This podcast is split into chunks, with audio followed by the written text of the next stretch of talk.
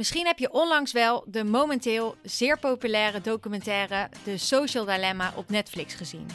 Deze documentaire laat de donkere kanten van social media platformen zoals Facebook zien. Zo zijn ze verslavend, manipulatief, ze zorgen voor polarisatie tussen diverse groepen mensen en ze kunnen ons zelfs depressief maken. Dit doen ze door het verzamelen van heel veel data over ons, dat ze vervolgens gebruiken voor hun zogenoemde algoritmes, die bepalen wat we zien.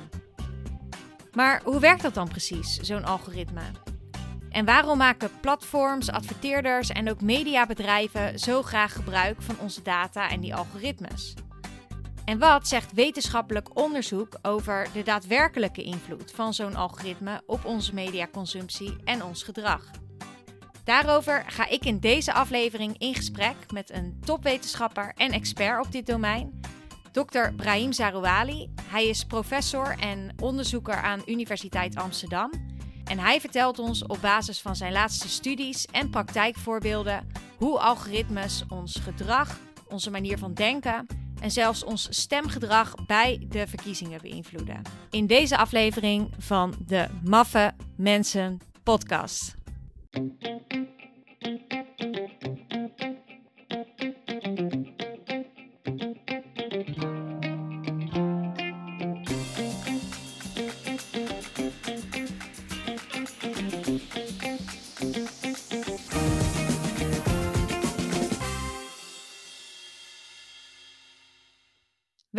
bij een nieuwe aflevering van de Maffe Mensen podcast. En vandaag spreek ik met dokter Brahim Zarouali, assistant professor en onderzoeker bij het onderzoeksinstituut ASCOR aan de Universiteit van Amsterdam. En Brahim is een beetje mijn held. Um, allereerst op persoonlijk vlak als collega's, uh, toen nog bij Universiteit Antwerpen, waar we een werkkamer en uh, ja, lief en leed deelden. En hij ook echt een beetje mijn mentor en voorbeeld was tijdens het behalen van mijn PhD. En dat weet hij ook. Maar dat is niet het enige, want hij is ook nog eens een held binnen de communicatiewetenschappen.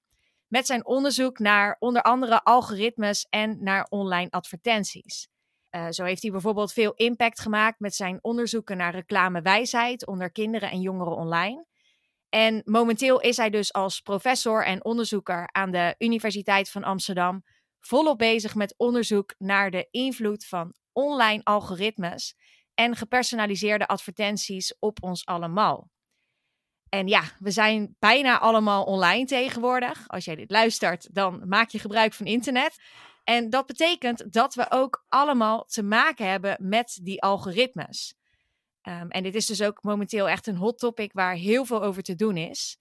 Dus uh, ja, ik heb er helemaal zin in. En uh, jij hopelijk ook, Brahim. Welkom. Ja, dankjewel. Wauw, wat een intro. Uh, ik ben diegene die zich vereerd zou moeten voelen. Bedankt voor de, voor de uitnodiging voor de podcast, Simone. Ik ben heel blij om hier met jou over te kunnen spreken.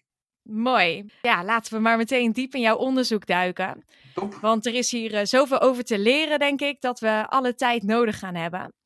Want ja, jij doet momenteel vooral onderzoek naar de invloed van algoritmes op ons gedrag. En als ik aan algoritmes denk, dan uh, ja, denk ik eigenlijk meteen aan die grote techbedrijven zoals Facebook en Google. Mhm. Daar uh, wordt best wel veel over geschreven, over die bedrijven en over zogenoemde algoritmes die ze gebruiken. Maar als je het aan mij en ik denk ik ook heel veel andere mensen vraagt wat een algoritme nu precies is, dan zou ik het persoonlijk best wel lastig vinden om dan precies uit te kunnen leggen wat dat dan is. Dus misschien kan je eerst eens in uh, gewone mensentaal uitleggen wat algoritmes zijn. en uh, daarnaast ook waarom ze er zijn. Dus waarom bedrijven zoals een Facebook of een Google gebruik maken van die algoritmes. Ja, natuurlijk. Um, op zich is een algoritme niet echt iets nieuws. Het bestaat eigenlijk al heel lang. Het is gewoonweg een soort wiskundige formule. Um, en, en binnen de programmeerwereld uh, kan je het best beschouwen als een soort instructie, een stukje code, om een specifieke opdracht uit te voeren. Um, nu, bij een algoritme heb je drie belangrijke elementen. Eerst heb je de input, dan het algoritme zelf en tot slot de output. Nu, dit klinkt nog allemaal een beetje abstract, maar laten we dit even toepassen op uh, de grote techbedrijven die je zo net noemde. Dus Facebook bijvoorbeeld, de input verwijst dan naar alle data die Facebook over jou heeft. Denk maar aan likes, shares, comments, online zoekgedrag, noem maar op.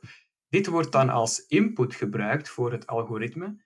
Dus deze data worden als het ware gevoed aan het algoritme en vervolgens treedt het algoritme in werking en dit leidt dan tot output, de gepersonaliseerde dingen die jij te zien krijgt op je tijdlijn. En bij Google krijg je net hetzelfde. Dus op basis van alle data die Google over jou heeft, de input, treedt het algoritme in werking. En op basis daarvan krijg je dus specifieke zoekresultaten te zien die uh, op jouw profiel aangepast zijn. Dus met algoritmes kan je het aanbod op het internet persoonlijker uh, maken. Dus wat jij te zien krijgt op je Facebook-tijdlijn of, of uh, in je Google-zoekresultaten, verschilt dus van wat iemand anders te zien krijgt. Um, dus als bedrijf kan je aan de hand van algoritmes uh, content aanleveren die uh, relevanter is voor de eindgebruiker. En dat is op zich wel een hele goede zaak. Ja, en, maar om heel concreet op je vraag te antwoorden, hoe gebruiken Facebook en Google hun algoritmes? Wel, op die vraag moet ik je helaas uh, het antwoord wel schuldig blijven, want die grote techbedrijven zijn absoluut niet transparant als het aankomt op het vrijgeven van hun algoritmische code. Dus, dus het is voor als onderzoeker heel moeilijk om te achterhalen hoe die algoritmes nu juist werken. Daarom worden ze ook wel black, black, black box uh, genoemd. Dus het betekent dat je wel gepersonaliseerde content te zien krijgt, maar niemand die eigenlijk goed weet waarom je dat te zien krijgt. En dat is toch nog wel heel belangrijk om even mee te geven aan de luisteraars. Ja, dat uh, klinkt best wel eng, een black box. en um, inderdaad, ik denk dat we er heel veel, uh, heel vaak ons er niet van bewust zijn dat inderdaad jij iets anders ziet als jij uh, iets in Google zoekt dan dat ik dat zie. En dat is dus op basis van onze data. En ik kan me voorstellen dat nou, hoeveel data Google en Facebook wel niet van mij hebben over um, ja, al die jaren dat ze al bestaan. Dat, dat, dat moet ongelooflijk zijn. Dat, uh, ik denk, uh, wij hebben heel veel gedeeld, Brahim, maar ik denk dat Facebook en Google mij nog wel beter kennen. Wat denk jij? Ja. Ja, klopt. Bedrijven als Facebook hebben ontzettend veel data over ons. Dus eigenlijk um, als vuistregel kan je, kan je nemen, alles wat je online doet, laat wel zijn digitale sporen na. Dus echt je je hebt een digitale voetafdruk, als het ware. Um, dat wordt allemaal netjes opgeslagen en vervolgens ook gebruikt om een soort profiel van iedere gebruiker aan te maken. En om het misschien even wat concreter te maken, er is trouwens een studie die aantoont dat met slechts 10 likes Facebook je even goed kent en je ook even goed kan inschatten als een collega. Dus het heeft slechts 10 likes nodig van jou om op dat niveau te geraken als Facebook een beetje verder gaat, met 70 likes, kan het jou even goed inschatten als een goede vriend. Met 150 likes kan het jou even goed inschatten als een familielid. En bij 300 likes kent Facebook jou even goed als je eigen partner waarmee je dag in, dag uit samenleeft en waarmee je dus ook lief en leed meedeelt. Dus ja, dit toont gewoon aan dat, dat Facebook niet alleen heel veel data over ons beschikt, maar ook nog eens op basis van die data heel accurate inschattingen kan maken over wie we zijn en wat we zoal leuk vinden. En dit geldt trouwens niet alleen maar voor Facebook, maar ook voor Instagram, Twitter uh, en ga zo maar voort. En hier moeten we ons wel uh, zeer van bewust zijn. Uh.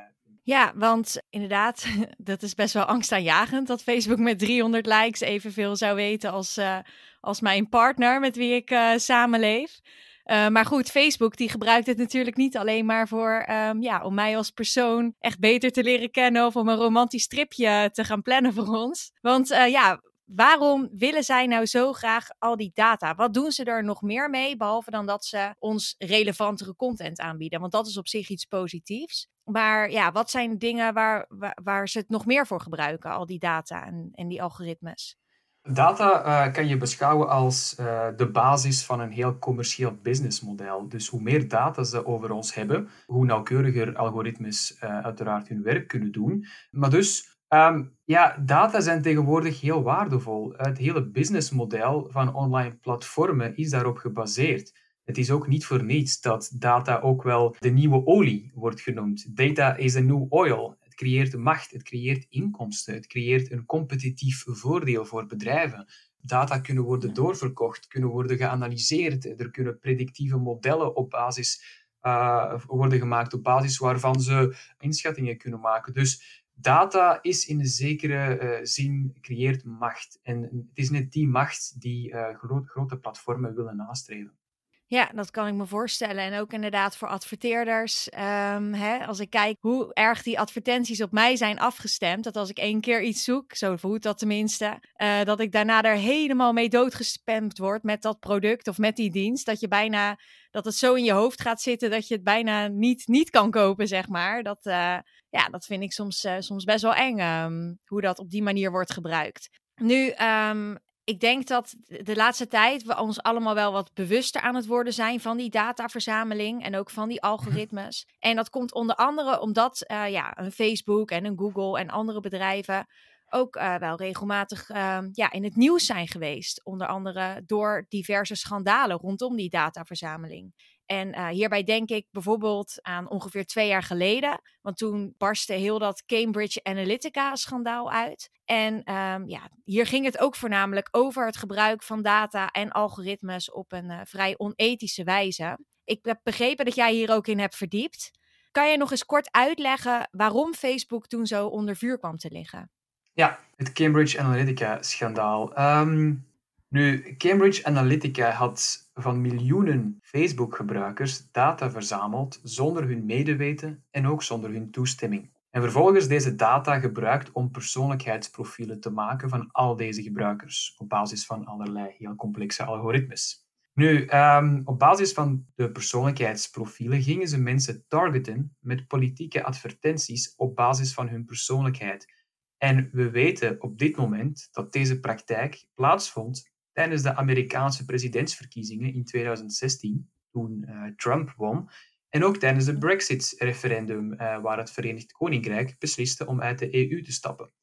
Dus wat er hier gebeurt, is dat Cambridge Analytica op basis van, laten we zeggen, onethisch verkregen data en op basis van redelijk dubieuze algoritmes echt op zoek ging naar bepaalde zwakheden, gevoeligheden van mensen op basis van hun persoonlijkheid en wat is dat dan bijvoorbeeld? Iemand die bijvoorbeeld um, introvert is of uh, die bepaalde persoonlijkheidskarakteristieken zou hebben. Uh, Cambridge Analytica ging echt onderzoeken welke politieke boodschappen het best resoneert bij, uh, bij dat soort profielen. Dus ze gaan echt proberen om bepaalde persoonlijkheidseigenschappen die je bezit, en waar je vervolgens ook weinig aan kan doen, je hebt het nu eenmaal, die gaan ze proberen echt uit te buiten uh, aan de hand van politieke beïnvloeding. Bepaalde uh, trekjes gaan uh, bepaalde zwakheden echt proberen te, daarop in te spelen aan de hand van politieke boodschappen. stel je voor dat jij een persoonlijkheid hebt die met name heel erg uh, te beïnvloeden valt aan de hand van uh, angstprikkels, dan gaan ze daar uh, bijvoorbeeld heel veel angstboodschappen naartoe sturen. Dus ze kunnen op basis van je persoonlijkheid bepaalde boodschappen formuleren die het best op jou inspelen. Dus dit was echt wel een zwarte bladzijde als het aankomt op ja, onethische politieke beïnvloeding. Um, ja. Want wij weten dat natuurlijk ook niet als gebruikers dat dat gebeurt. Dus ik, hè, ik ben angstig, maar misschien ben ik me daar niet eens van bewust van dat ik angstiger ben dan de gemiddelde Facebook-gebruiker. En dan wordt die angst ook nog eens extra gevoed. En ja, dat staat er niet bij van oké, jij krijgt een advertentie te zien, want wij zien dat jij Klopt, vrij angstig helemaal, bent. Ja. Dus, het is net, die, net, net, dat gebrek aan transparantie. Dus je krijgt een advertentie te zien, uh, maar je weet niet dat die advertentie het gevolg is van een heel complex mechanisme, een soort complexe machine die heeft bepaald dat jij hier uh, vatbaar voor bent. Dus, en het is net dat gebrek aan informatie en, en uh, bovenop het feit dat die data in de eerste plaats op een heel onethische manier verkregen werden, dat maakt dat Cambridge Analytica eigenlijk wat, wat dat betreft toch wel een zeer pijnlijke reputatie eh, en terecht ook heeft opgelopen. Nu, dat schandaal heeft jou wel geïnspireerd om hier vervolgens zelf ook uh, onderzoek naar uit te voeren. Kan je daar misschien wat meer over vertellen? Van wat je hier naar aanleiding van zulke soort schandalen dan uh, concreet hebt onderzocht? Na het schandaal was er trouwens een zeer terechte publieke verontwaardiging en afkeur ten aanzien van wat Cambridge Analytica deed. Maar op dat moment wisten we eigenlijk niet goed of datgene wat, wat Cambridge Analytica deed, namelijk het targeten op basis van persoonlijkheid, of dat eigenlijk wel werkt. En dat heeft mij uh, in 2018 en enkele collega's aan de Universiteit van Amsterdam, uh, Tom Dobber en Kleese Vrezen, ertoe aangezet om dit te gaan onderzoeken. En ik wil misschien niet in detail treden, maar um, Wat we eigenlijk gedaan hebben, was een soort mini-Cambridge Analytica-procedure nagebootst in een wetenschappelijke context. Belangrijk om te vermelden was dat het ook een samenwerking was met het bedrijf TextGain. Nu, we waren best wel geschokt van de resultaten. Dat, dat, dat op basis van die voor, uh, persoonlijkheid die we konden voorspellen, dat de politieke advertenties die we hen lieten zien op basis van het persoonlijkheidsprofiel ook veel beter aansloegen. Concreter, hun stemvoorkeur kon worden beïnvloed. En ja, dit was wel een heel zorgwekkende bevinding, want dit betekent dat technologie en, en in dit geval algoritmes zich op een heel effectieve manier kan mengen in een van de basisfundamenten van onze democratische samenleving, namelijk politieke verkiezingen. En dat is toch iets waar we zeker niet uh, lichtzinnig over, uh, over moeten. Ja, zo, dat zijn uh, inderdaad uh, best wel heftige resultaten. Want dat betekent, want bij dat Cambridge Analytica-schandaal waren er nog wel eens commentaren dat mensen zeiden van ja, maar in hoeverre werkt dat nu eigenlijk? Hè? Dat je inspeelt op zo'n persoonlijkheid. Maar jullie hebben dat dus echt ja, wetenschappelijk onderzocht met jullie eigen uh, systeem om die persoonlijkheden te bepalen. En jullie vinden dus dat het inderdaad het, het geval kan zijn. En hoe, op wat voor persoonlijkheidskenmerken hebben jullie toen getarget? Ja, wij hebben concreet gekeken naar ehm, het kenmerk introversie versus extraversie. Dus uh, we hebben ons beperkt tot één concreet persoonlijkheidskenmerk. En uh, op basis van dat kenmerk konden we dus vaststellen dat het relatief eenvoudig was om mensen op dat kenmerk te gaan uh, profileren en vervolgens ook nog eens te gaan beïnvloeden. Dus bepaalde politieke advertenties deden het beduidend beter voor mensen die extravert zijn dan wel introvert. Dus uh, je kan wel degelijk een systeem op poten zetten aan de hand van algoritmes, waardoor je mensen wel eens kan uh, beïnvloeden op politiek vlak. Dus dat hebben we eigenlijk in een soort wetenschappelijke context kunnen aantonen. Ja, dus je hoeft niet eens een grote Amerikaanse politieke partij te zijn. Want jullie uh, deden het uh, met ja. volgens mij GroenLinks en, uh, en de VVD. Ja, dus ja. de Nederlandse kleine politieke partijen kunnen dit ook gewoon gaan gebruiken en die data verzamelen. En daar. Um, ja, ja, klopt. Ja, ja. Dus het is zeker niet iets wat enkel voorbehouden is voor grote spelers of, of mensen met het grote kapitaal. Helemaal niet. Hè? Dus iedereen kan het doen. Algoritmes zijn ook redelijk eenvoudig om te gebruiken als je daar nodige kennis uh, voor hebt. Maar uh, het is zeker iets dat, dat iedereen kan gebruiken voor eigen persoonlijke of strategische doeleinden. Nu goed, met een zekere effectiviteit. Ik beweer niet dat het natuurlijk de wonderoplossing zal zijn om een verkiezing uh, volledig naar je hand te zetten. Dat helemaal niet. Maar uh, het kan wel in bepaalde omstandigheden ervoor zorgen dat de mensen die misschien nog wat twijfelen of, of die toch nog uh, uitkijken naar andere partijen, om die mensen net over de streep te trekken aan de hand van heel effectieve persoonlijkheidstargeting. Ja, en dan juist inderdaad in zo'n land als Nederland, waar veel partijen best wel dicht bij elkaar liggen. Weet jij toevallig of er al partijen zijn in Nederland of België die gebruik maken van die algoritmes of van targeten hè, op, op basis van persoonlijkheidskenmerken?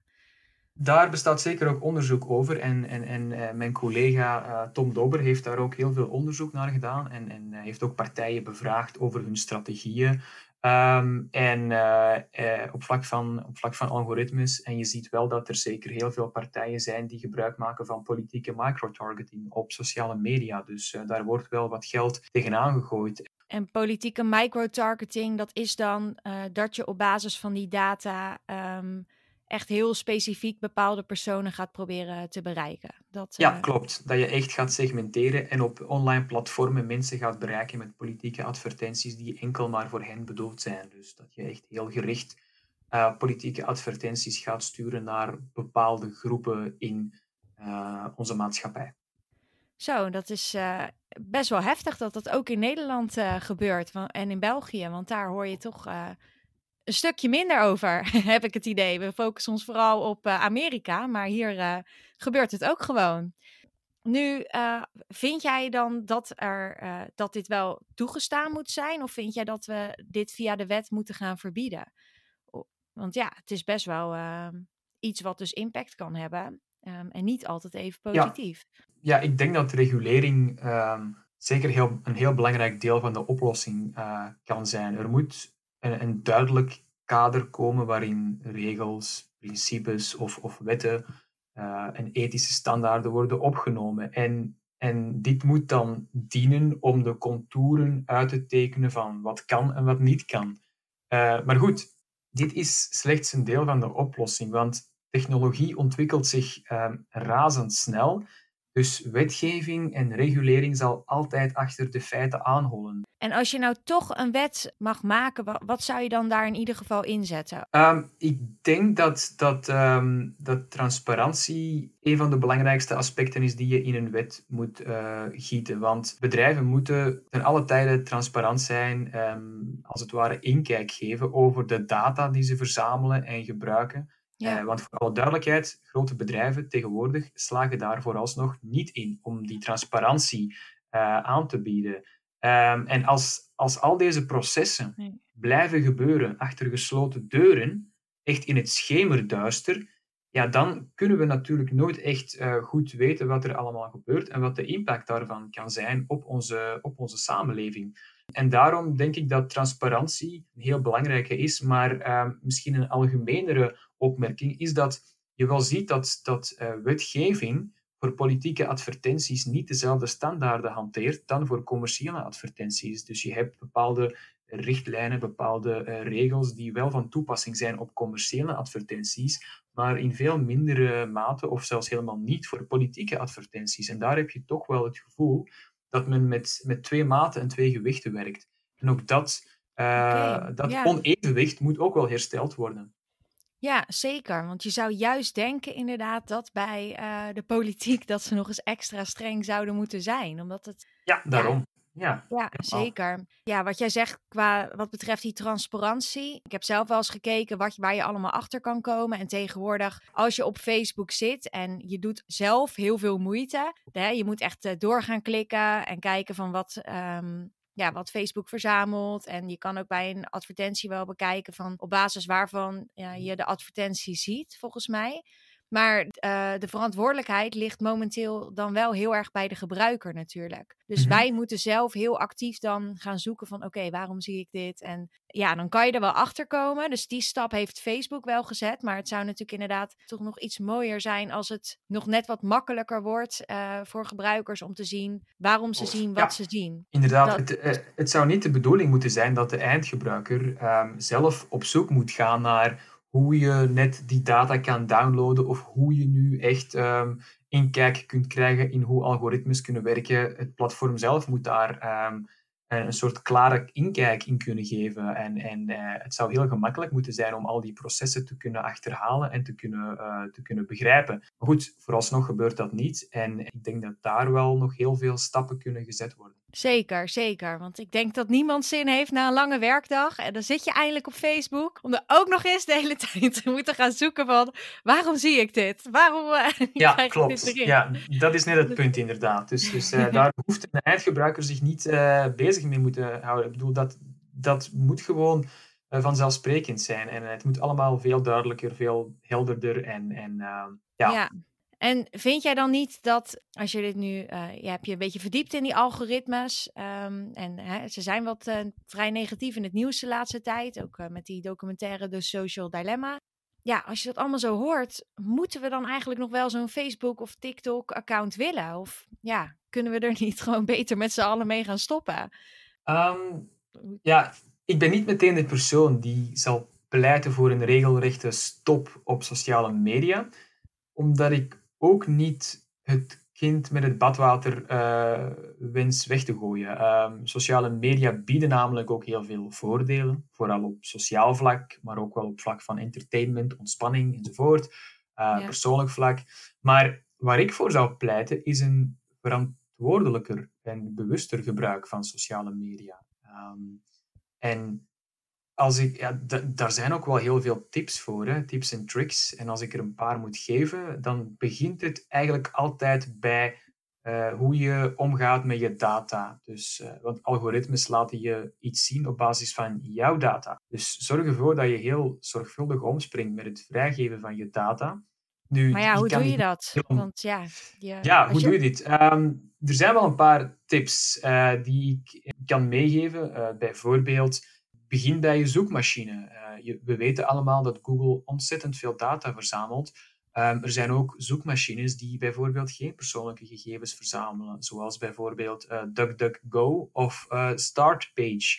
Um, misschien kunnen we die links ook wel bij deze podcast toevoegen. Um, ja, dat ga ik zeker doen. Er staan ook bepaalde websites die je toelaten om sommige trackingbedrijven die gegevens verzamelen, uh, om dat soort bedrijven te weigeren. Uh, dat, uh, de website heet www.youronlinechoices.com. Dus daarmee kan je dus gegevensverzameling van bedrijven stopzetten. Ehm, je hebt ook handige browser plugins die data tracking kunnen verminderen, zoals Privacy Badger of Ghostery dit zijn allemaal tips die je wel kan ondernemen om toch je digitale voetafdruk uh, te verminderen. Maar goed, het belangrijkste tip blijft toch wel het, het, het, vrij consequent omspringen met, met, wat je deelt en, en wat je plaatst op sociale media. Wees je daarvan bewust. Ja, precies. En dat is uh, best wel lastig. Maar die tips die jij geeft en uh, die plugins en andere dingen, die mm-hmm. ga ik zeker in de show notes zetten. Want dat zijn dingen acties die je natuurlijk in principe vaak één keer onderneemt. Dus één keer installeer je die plugin of één keer um, hè, ga je uh, die instellingen doen dat je dat niet meer wilt delen. En uh, dat heeft dus wel voor een heel lange uh, tijd een effect. En dat is misschien ja. wat makkelijker nog dan dat je. Hè, de hele dag door moet gaan nadenken van ook, oh, wat ga ik met deze foto doen? Ga ik die... Dat is natuurlijk wel goed, maar ja, we zijn natuurlijk ook allemaal mensen. en dat is best wel maffe mensen. en het is best wel lastig om dan... Um, ja, om dat allemaal bij te houden. Um, dat is uh, veel gevraagd. Maar die, die plugins en die browsers, uh, dat zijn inderdaad dingen die installeer je één keer. Ja. En als je dan eenmaal daarmee gaat werken, dan uh, scheelt dat toch al iets. En als ik nog um, één mag toevoegen, uh, want, want dit waren allemaal tips om ervoor te zorgen dat bedrijven minder data over je hebben, maar uh, laten we eerlijk zijn, je kan dit niet helemaal tegenhouden. Hè? Dus je krijgt sowieso te maken met algoritmische content online, hoe, of je het nu wil of niet. En dan is het ja. belangrijk dat je uh, die content die je dan te zien krijgt, niet per se als een waarheidsgetrouwe weergave van de realiteit beschouwt, maar eerder als als iets wat algoritmes denken dat jij wil zien als realiteit. Dus met het idee om jou beter te kunnen beïnvloeden. En dat is ook wel belangrijk om te, om te onthouden als je dan toch te maken krijgt met, uh, met content online die dan gefilterd is door algoritmes. Dat moet je echt heel vaak tegen jezelf zeggen. Want het is zo makkelijk om gewoon dat te lezen. En, en, en er niet bij stil te staan dat jij ja. een andere, uh, andere dingen leest dan uh, dat je buurman leest. En ja. dat, is, dat is zeker een, een goede tip. Nu, over lezen gesproken. We hebben het uh, tot nu toe vooral gehad over het gebruik van uh, algoritmes voor politieke doeleinden op uh, social media platformen zoals Facebook. Maar um, ja, je hebt ook onderzoek uitgevoerd naar algoritmes in relatie tot het verspreiden van nieuws. En ik ben wel benieuwd wat je dan precies hebt onderzocht. Want ook hier heb je gekeken naar de invloed van algoritmes op nieuwsconsumptie. of kan je hier wat meer over vertellen? Um, ja, misschien moet ik even toelichten um, hoe algoritmes misschien in het nieuws gebruikt worden en wat daar ja. in eerste instantie uh, vooral um, misschien het gro de grootste vrees is. Want daar begint het eigenlijk een beetje mee. Bij nieuwswebsites zie je inderdaad ook een trend om alsmaar vaker te gaan experimenteren met gepersonaliseerde nieuwsberichtgeving. Dus op basis van algoritmes krijg ik andere nieuwsberichten te zien dan jij. Um, de VRT bijvoorbeeld, de openbare omroep in Vlaanderen, heeft aangekondigd te experimenteren met uh, gepersonaliseerd nieuwsaanbod. In Nederland zijn er ook meerdere nieuwsbedrijven die uh, werken aan algoritmische personalisatie. Denk maar aan de persgroep, uh, FD Mediagroep, RTL, NOS. Dus nieuws dat jou interesseert, komt dus op jouw online voorpagina. En het idee erachter is best wel interessant. Uh, namelijk dat bijvoorbeeld, stel dat er in jouw gemeente een gebouw instort, ja, dan is dat belangrijk en relevant nieuws voor jou, maar misschien niet per se voor mij. Dus met algoritmes kan je het aanbod dus ook persoonlijker maken op dit vlak. De grote vraag is, vertrouwen we algoritmes toe met zoiets belangrijks als het nieuws? Want sommige wetenschappers maken zich zorgen dat algoritmes zouden kunnen leiden tot filterbubbles. Dit betekent dat mensen door algoritmische personalisatie alleen maar nieuws te zien krijgen die past binnen hun eigen ideeën en ideologieën. Want dat is relevant. En het betekent dus dat je geen nieuws meer krijgt van andere invalshoeken of andere meningen of, of een tegendraadse weerwoord. Dus Ja. je, krijgt, ja, je krijgt dus geen nieuws meer over de hele realiteit, maar alleen maar de realiteit die je wil zien. Alleen maar nog jouw visie. Eh, alles wat jouw visie alleen nog maar versterkt. En het gevolg is dat mensen dan als het ware vast komen te zitten in een persoonlijke bubbel waarin ze heel eenzijdig geïnformeerd worden over de actualiteit. En, en, en dat is dan een soort grote vrees van wetenschappers, is dat mensen dan elkaar minder goed gaan begrijpen en tot gevolg dus meer polarise- polarisering in de maatschappij zal uh, veroorzaken. Dat is Ja. het probleem met uh, algoritmes in het nieuws. En dat gebeurt dus nu al op, op de Belgische en Nederlandse nieuwswebsites. Want Ja. dat is denk ik iets waar ook veel mensen niet um, bij stilstaan. Als ik naar ad.nl surf of naar hlm.be, dan sta ik er niet bij stil dat een deel van die voorpagina ja, ook op algoritmes is, uh, is gebaseerd. Ja, dus er zijn heel veel uh, nieuwsbedrijven die daarmee experimenteren. Uh, dus die dan proberen om een deel van de voorpagina um, voor te behouden aan recommended news, dus aanbevolen nieuws, op basis van jouw eerdere interesses, op basis van uh, de artikels die jij leest, uh, waarin jij geïnteresseerd bent. Dus het zit nog wel in een heel uh, in een vroege experimenteerfase, maar de bedrijven hebben wel een soort intentieverklaring of, of een soort uh, plan klaarliggen om, het, uh, om de toekomst wel uh, meer en meer gepersonaliseerd te laten worden. En, en dan zou het wel eens kunnen zijn dat het nieuws ook in de toekomst door algoritmes zal, zal bepaald worden. Ja, en er zijn dus al onderzoeken hier naar uitgevoerd die laten zien dat we inderdaad in zo'n filterbubbel terecht kunnen komen en daardoor minder goed andere mensen begrijpen. Ja, klopt. Dus uh, de, de wetenschap is hier zelf ook nog niet echt uh, helemaal uh, over uit. Er zijn um, voorbeelden voor, maar ook voorbeelden tegen. Maar het kan wel eens zijn dat, dat door algoritmes mensen eigenlijk een beetje op hun eigen eiland gaan beginnen leven, in hun eigen bubbel. En, en door al die bubbels ja, hebben mensen een verschillende kijk op de wereld. En ja, dat kan dan bepaalde problematieken met zich, met zich meebrengen. Maar nogmaals, het is, het is voorlopig een soort uh, hypothese dat nog niet volledig wordt, uh, wordt uh, gesteund door alle wetenschappers, maar het is toch zeker iets waar we, waar we zeker rekening mee moeten houden als we het hebben over algoritmes in het nieuws. Ja, ik denk zeker dat het belangrijk is dat we die algoritmes op een hele ethische en bewuste wijze gaan implementeren op die nieuwswebsites. Want dat is voor mij toch een soort van waar ik nog mijn betrouwbare informatie vandaan haal.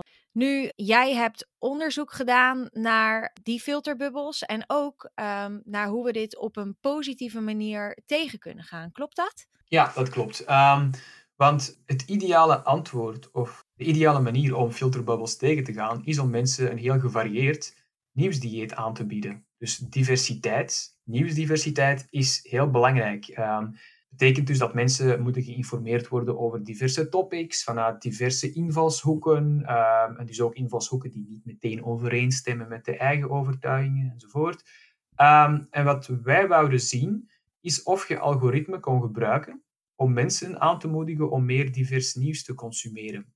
En we dachten heel concreet aan chatbots. Want meer en meer nieuwsbedrijven uh, zijn ook aan het experimenteren met het aanbieden van nieuws via chatbots. Uh, Chatbot. op sociale media. Ja, dat zijn van die automatische bots uh, op sociale media die je dan automatisch nieuwsupdates uh, kunnen geven via een soort private chat interface. Dan gewoon een Facebook Messenger bijvoorbeeld? Of ja, hoe, bijvoorbeeld. um... En, en stel dat je bijvoorbeeld dat NOS een chatbot zou hebben, dan is dat een Facebook Messenger venster van NOS die jou dan dagelijks nieuwsupdates kan sturen. Dus een soort ja, chat conversatiegesprek met een nieuwsbedrijf uh, via Messenger-applicaties. Uh, Zo moet je het eigenlijk bekijken. Nu, wat wij hebben gevonden is dat, uh, dat, dat je op basis van zo'n geautomatiseerde chatbot van NOS, dat die chatbots er redelijk goed in slagen om mensen nieuws aan te bieden die een beetje ingaat tegen hun eigen overtuiging. En mensen waren ook veel meer geneigd om dit soort tegenstrijdige nieuwsberichten te aanvaarden uh, als het van, van de chatbot zelf kwam. Dus uh, interessant wel. Dus op basis hiervan konden we dus echt aantonen dat je met algoritmen ook wel iets kan maken, namelijk een chatbot, om mensen um, op een diverse en gevarieerde uh, nieuwsdieet uh, te tracteren. En, en dat is wel een, een leuke bevinding, namelijk het gebruiken van algoritmes om iets positiefs te bereiken. Ja, zeker. En hoe komt dat dan? Dus hè, als ik op een nieuwswebsite sta, dan, dan sta ik daar minder voor open. Maar als ik het via een chat binnenkrijg, dan sta ik er ook echt meer voor open. Want is het dan niet zo dat ik het gewoon niet ga aanklikken op het moment dat ik via Facebook Messenger een, zo'n nieuwsbericht binnenkrijg? Nu, wat wij hebben gevonden was dat, dat um, mensen uh, bij een chatbot uh, een soort sociaal gevoel um, opmerkten. Namelijk, het komt binnen via je smartphone, het komt binnen via een soort chatgesprek. En, en, en uh, het is een soort chatbot die met jou een soort nieuwsupdate probeert te delen. En als het dus via die manier tot jou komt, vonden we dat mensen daar veel toleranter uh, ten aanzien van stonden. Dus, dus dat was een interessante bevinding. Dus, uh, en op die sociale manier kan je dus ook uh, ervoor zorgen dat mensen um, veel meer openstaan ten aanzien van nieuwsberichten die misschien niet meteen aansluiten bij de eigen overtuigingen. Ja, dat is inderdaad een, een, mooie manier hoe we dan inderdaad te technologie kunnen gebruiken om juist een diverser nieuwsdieet te krijgen. Um, en als uh, de NOS met zo'n tool komt, dan zou ik er ook zeker, um, ja, dan zou ik dat zeker gaan instellen, inderdaad, dat ik dat krijg. Want juist omdat het zo lastig is, omdat je niet weet wat je mist, zeg maar, door, de, door mhm. die algoritmes, is het juist zo fijn als je dan een, zo'n chat zo'n virtual chatmannetje hebt, die naar jou uh, die tegengestelde nieuwsberichten gaat uh, sturen. En dat zal dan soms wel moeilijk zijn om dingen te lezen waar jij uh, ja, misschien niet helemaal achter staat, maar op die mhm. manier zorgen, zorgen we er wel voor dat we niet die oogkleppen op hebben. En ja, dat we niet in zulke soort situaties als toen met de Amerikaanse verkiezingen kwamen, waarbij iedereen, of inderdaad Brexit, waarbij iedereen totaal verrast was dat er mensen waren die anders dachten dan, uh, dan dat zij deden. Ja, dus klopt. Uh, zeker interessant. Um, ja, dus, klopt. Uh... En, en trouwens, um, wat ook kan, is algoritmes moeten niet alleen maar meer van hetzelfde tonen. Je kan algoritmes ook zodanig programmeren of, of ontwikkelen dat ze juist diversiteit gaan aanmoedigen. Dus algoritmes kunnen ook mensen dingen aanbevelen die niet meteen binnen hun relevantie uh, palet passen. Dus uh, je kan algoritmes ook instellen om juist diversiteit na te streven. Dus ook dat kan allemaal geprogrammeerd worden. Dus algoritmes, ja, je kan er een beetje de richting mee uitgaan die je zelf wil. En als je diversiteit wil nastreven, ook dat kan geprogrammeerd worden um, als het aankomt op online, online nieuwsberichtgeving. Ja, dus uh, we hadden het vooral over de negatieve effecten van algoritmes. En ze komen ook vooral uh, ja, vaak negatief in het nieuws. Maar het is dus niet zo dat de technologie zelf slecht is. Maar het gaat vooral om de manier waarop uh, die algoritmes worden gebruikt. En inderdaad, we kunnen het ook op een positieve manier gebruiken. Alleen moet daar dan inderdaad misschien wetgeving voor komen. Of moeten we met, ja, vanuit bepaalde bedrijven ervoor kiezen om um, inderdaad juist algoritmes voor diversiteit, voor ja, juist mentaal welbevinden uh, te gebruiken. Mm -hmm. Ja, klopt. Uh, klopt helemaal. Algoritmes op zichzelf zijn heel neutraal. Uh, het zijn wiskundige formules, codes, maar het is net omwille van de intenties of de objectieven of, of de vooroordelen, de stereotypen, de, de, de doelstellingen van de mensen die algoritmes beheren, dat ze een bepaalde opdracht gaan krijgen die misschien niet eh, zo neutraal en, en, en objectief is. Dus uh, het is niet de technologie zelf uh, die een soort impact heeft, maar meestal ook meestal de intenties van de, van de mens die de technologie gebruikt. Ja, dat vind ik toch al een stuk uh, positiever dan de manier waarop het soms geframed wordt. Want soms lijkt het zo alsof van, ja, de algoritmes zijn er en we hebben het er maar mee te doen. En het heeft een negatief effect en we moeten ermee leren leven. Maar inderdaad, er is eigenlijk best wel een ja, hoopvol perspectief. Maar dat hebben we dus zelf eigenlijk in onze eigen handen. Ja. Daar moeten we eigenlijk gewoon de bedrijven dan nog meer op, op gaan aanspreken wat mij betreft. Nu, als jij nu een blik in de toekomst moet werpen, waar denk jij dan dat het naartoe zal gaan met die algoritmes? Denk je inderdaad dat we het in de toekomst meer of op positieve manieren gaan inzetten? Of, um, ik weet dat je een onderzoeker bent en geen waarzegger, maar ik ben toch wel benieuwd naar hoe jij daar naar um, kijkt. ja, de, de de toekomst is, is zeer moeilijk te voorspellen, omdat ontwikkelingen in, in technologie, algoritmes, artificiële intelligentie eh, zich zo snel opstapelen en ze worden steeds beter, efficiënter, sneller, slimmer en dus ook mogelijk met meer uitdagingen voor, voor onze bestaande structuren. Maar als ik er toch één ontwikkeling moet uitkiezen, dan ga ik voor deepfakes. Um, Deepfakes zijn, weet niet of je dat kent, maar dat zijn nepvideo's die gemaakt zijn op basis van complexe algoritmes. En de video's lijken zo realistisch dat ze bijna niet van echt te onderscheiden zijn. Um, ja. En, en ik heb dus ze wel gezien inderdaad. Ook vooral voor de dus politiek. Dus, hè? dus dat een Obama op een bepaalde manier iets aan het vertellen is. Uh, en dat is dus niet met een eh, slechte voice-over dat net niet klopt met het mondje van Obama. Dat zijn echt, dat je echt denkt van nou, hij zit aan het vertellen. Precies zijn stem, precies die, die mond, hoe die beweegt. En uh, dat kunnen ze dus allemaal uh, ja. ja. op die manier maken. Ja, klopt. Ja, ja. Dus met deze technologie, deepfake-technologie, kan je nepvideo's maken waarin je iemand, bijvoorbeeld een politicus, dingen kan laten zeggen of doen die hij of zij in werkelijkheid nooit gezegd of gedaan heeft. En ja, als mensen dit op, grootschalige, uh, op, op, op, op grote schaal zien, ja, dan kunnen ze dit ook echt geloven. En de mogelijkheid bestaat dus dat dit soort video's um, een soort grootschalige beïnvloeding kunnen veroorzaken binnen onze samenleving. En daarom denk ik dat, dat, dat we dit soort ontwikkelingen, zeker naar de toekomst toe, zeer goed um, in de gaten moeten houden. En ons ook de vraag stellen van wat voor gevolgen heeft dit voor uh, de journalistiek of voor de democratie? Uh, hoe weten we nog wat echt is of, of, of, of wat nep is? Dus dit moeten we toch zeker goed in de gaten houden uh, wanneer we een blik werpen op de toekomst. Ja, dat is toch wel weer iets angstaanjagends. Deze podcastaflevering maakt mij wel een beetje zenuwachtig hoor. Nee, het is, nee, dat is, maar dat is goed inderdaad dat we hier ons wel bewust van zijn. En ook dat die video's er zijn, dat die technologie er is. En dat dat op hele verkeerde manieren kan worden ingezet uh, door... Door partijen die ons uh, misschien bewust mensen tegen elkaar op willen zetten. Of, of, of andere mensen in een kwaad daglicht willen stellen door, uh, door zo'n deepfake uh, video te maken. Dat, um, is dat ook iets wat jij zelf nog zou willen onderzoeken dan in de toekomst? Of heb je andere dingen die je graag eh, zou willen onderzoeken rondom dit onderwerp?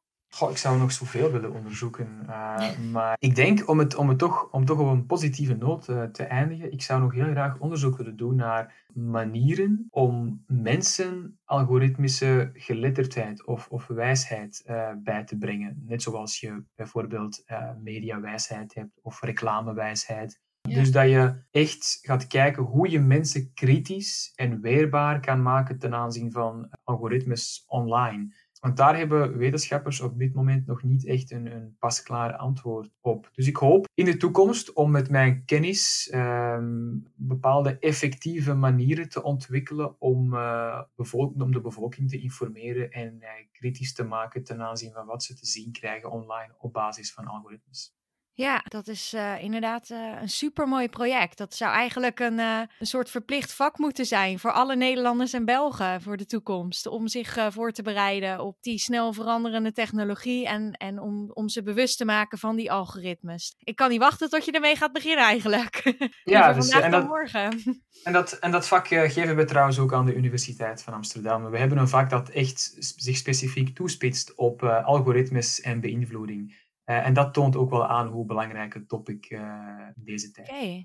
Dus, en daarin proberen we dus de studenten uh, toch wel een soort kritische blik aan te meten om op een kritische manier om te gaan met alles wat ze te zien krijgen online. Ja, supergoed dat jullie zijn begonnen met zulke soort vakken. Want, um, Dankjewel ja, de, dit is de, de, de toekomst waarschijnlijk. En uh, we moeten inderdaad met z'n allen een manier vinden om hiermee om te gaan. En uh, hoe meer uh, mensen hier um, meer inzicht in krijgen, hoe meer mensen ook met een kritische blik ernaar kunnen kijken en, en hier oplossingen voor kunnen bedenken. Dus um, ja. supergoed. Ik, ik, ga kijken of ik ook nog een keer kan aanschuiven bij jou, als dat mag, bij professor Sarouali.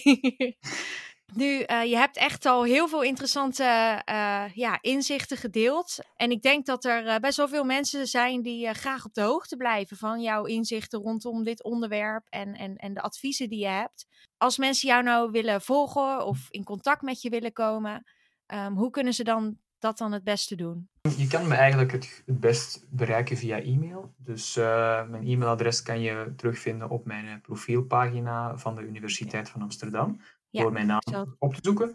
En je kan me ook altijd volgen op, op Twitter. Ehm, ook dat is uh, een manier om, om op de hoogte te blijven van mijn onderzoek. Ja, en, en bovendien, uh, zoals ik al zei, je kan ook uh, mijn wetenschappelijke studies die ik kort besproken heb tijdens deze podcast gratis downloaden. Dus ehm, ik vermoed dat we ook ergens de link kunnen delen. Dus dat is ja. Ik ga alle linkjes plaatsen en ik hoop eigenlijk in de toekomst dat je nog meer kan gaan delen. En inderdaad die, bijvoorbeeld die cursus kan gaan opzetten rondom inzicht in de invloed van algoritmes en hoe we dit tegen kunnen gaan.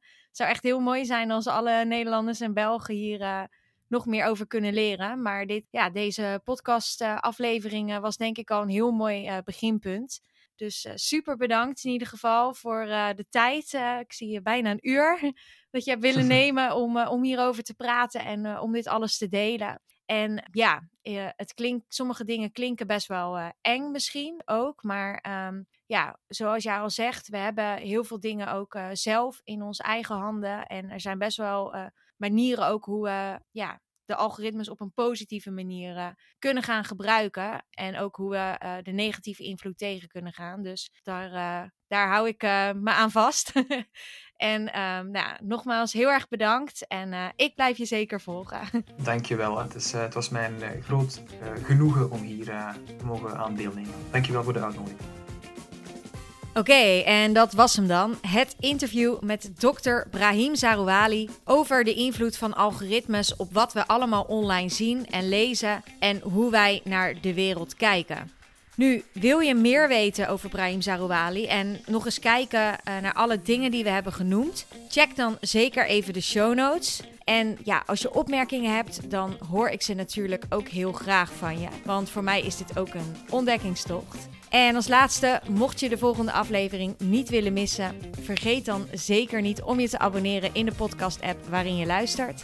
En voor nu, geniet van je dag of avond en heel graag tot de volgende aflevering.